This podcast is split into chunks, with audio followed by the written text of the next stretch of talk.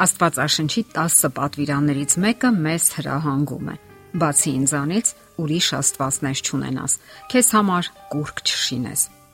Աստված անձամբ գրեց այս հրահանգը տասնաբանյա օրենքի սկզբում՝ ի հիշեցում այն բանի, որ ինքը եղել է եւ շարունակում է մնալ առաջինն ու ամենակարևորը մարդու կյանքում։ Սա նշանակում է, որ Աստված առաջնայինն է մեր կյանքում եւ ոչ մի ուրիշ արժեք չի կարող հավակնել առավել մեծ կարեւորության։ Այս պատվիրանը հնչում է թե որպես հրահանգ ու խորհուրդ, թե որպես նախազգուշացում։ Աստված դարեր ի վեր նախազգուշացնում է, թե ինչպես կարելի է եւ ինչպես պետք է ապրել այս աշխարհում, իմանալով, որ ինքը գոյություն ունի եւ կառավարում է աշխարհը։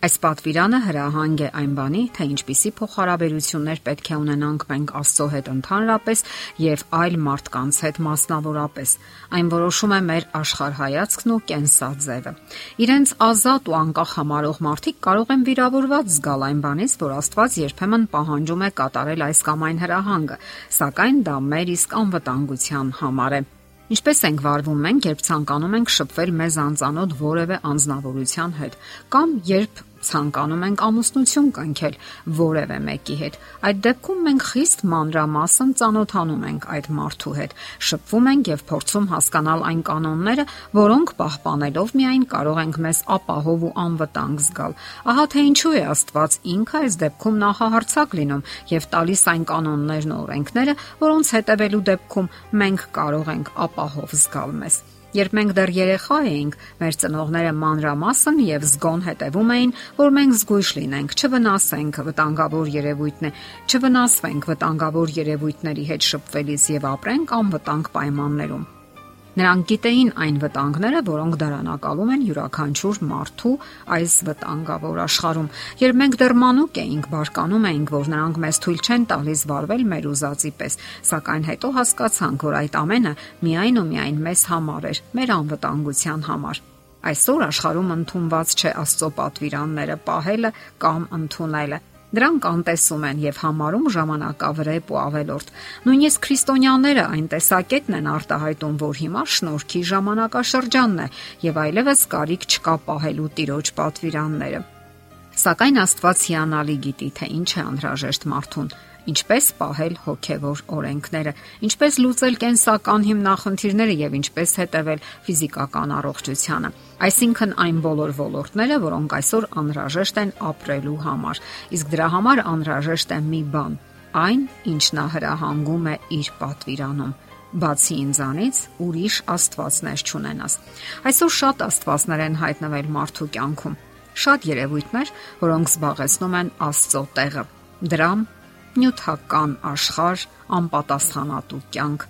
Իսկ համացանցը, որտեղ կարելի է ժամերով զբաղվել եւ չհասկանալ, թե ինչպես են անցնում ժամերն ու օրերը, ամիսներն ու տարիները եւ վերջապես մեր ողջ կյանքը։ Սակայն Աստված շարունակում է կոչ անել եւ իր մոտ կանչել մարդուն այն մեղավոր ու սխալական մարդուն, որը ժամանակավոր եւ անցողի արժեքների մեջ մոռացել է իրեն եւ իր հրահանգները, որովհետեւ նա տեսնում է, թե ինչպես ժամանակավոր եւ ունայն զբաղմունքների մեջ մենք վատնում ենք մեր կյանքը, ինչպես անցողիկ ու անառակաբարո արարքների մեջ անտեսում ենք հավերժականն ու աստվածայինը։ Մենք սահմանափակ ու նեղմիտ մարդիկս մեր ձեռքն ենք վերցրել մեր կյանքի ղեկը եւ մեր թղ եւ մեր փխրուն ու դյուրաբեկ նավը առաջնորդում ենք վտանգավոր խութերի եւ մահաբեր փոթորիկների միջով։ Մենք համարում ենք, որ մեր կյանքի նավավարն ենք, իսկ Աստված հարգում եւ ընդունում է մեր ընտրությունը։ Դեռ ավելին, շարունակում է սիրել մեզ իր անսահման մեծ, զարմանալի ու խորհրդավոր սիրով։ Սեր, որ պատճառ ու պայման չի ճանաչում, որ ընդգրկում է մեզ եւ ապարուրում մեր ողջ էությունը։ Նա ինքն է տվել մեզ ընտրության ազատություն, կյանքի ու մահվան ընտրության ազատությունը։ Մենք ազատ ենք ընտրելու մեղքը կամ արդար ու սուրբ կյանքը։ Իսկ հետևանքները կլինեն այնպիսին, ինչպես նա նախազգուշացրել է մեզ՝ հավերժական կյանք կամ հավերժական կորուստ։ Եկեք հիշենք, մենք ազատ անznավորություն ենք։ Մինչ այսօր մեղքը փորձում է ստրկացնել մեզ, իսկ Աստված առաջարկում է իր ազատ ագրումը։ Առանց Աստծո մենք կորած անznավորություն ենք։ Մինչ Աստված առաջարկում է իր ազատ ագրումն ու փրկությունը, Սատանան պարտադրում է իր ներկայությունը եւ իր արժեքները։ Այս երկվությունից կարող է ազատ ագրել միայն Աստված, եւ նա առաջարկում է միակ ելքն ու լուծումը՝ իր պատվիրանը։ Բացի ինձանից ուրիշ Աստվածներ չունենաս։ Նա միակն է, որ շահագրգռված է մեր փրկությամբ։ Իր բարի դիտավորություններն ու փափագը նա ցուցադրել է Աստվածաշունչ մատյանում։ Իր բարի դիտավորություններն ու փափագը նա արտահայտել է Աստվածաշունչ գրքում։ Ցույց է տվել փրկության ճանապարհը Քրիստոսի միջոցով Աստվածաշունչը մենք կարող ենք անվանել հրահանգների գիրք լայն իմաստով,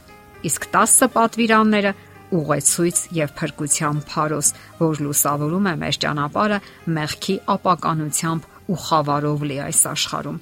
Այդ հրահանգներն օգնում են, որ ճիշտ կառուցենք մեր կյանքը, ընտրենք ապահովն ու հուսալին, ընտրենք Աստծո ներկայությունը մեր կյանքում։ Աստվածաշունչը հորդորում է եւ հուսադրում Երանելի են ճանապարով անմեղները, որ գնում են Տիրոջ օրենքում։ Երանելի են նրա վկայությունները պահողները, որ բոլոր սրտով խնդրում են նրան։ Հիշենք, երբեք էլ ուշ չէ նրա ձայնը լսելու եւ անվտանգ ու հուսալի ուղին ընտրելու համար։ Հիշենք, երբեք էլ ուշ չէ նրա ձայնը լսելու եւ անվտանգ ու հուսալի ուղի ընտրելու համար։ Եթերում հողանջ հավերության հաղորդաշարներ։ Ձեզ հետ է Գեղեցիկ Մարտիրոսյանը։ Հարցերի եւ առաջարկությունների համար զանգահարել 033 87 87 87 հեռախոսահամարով։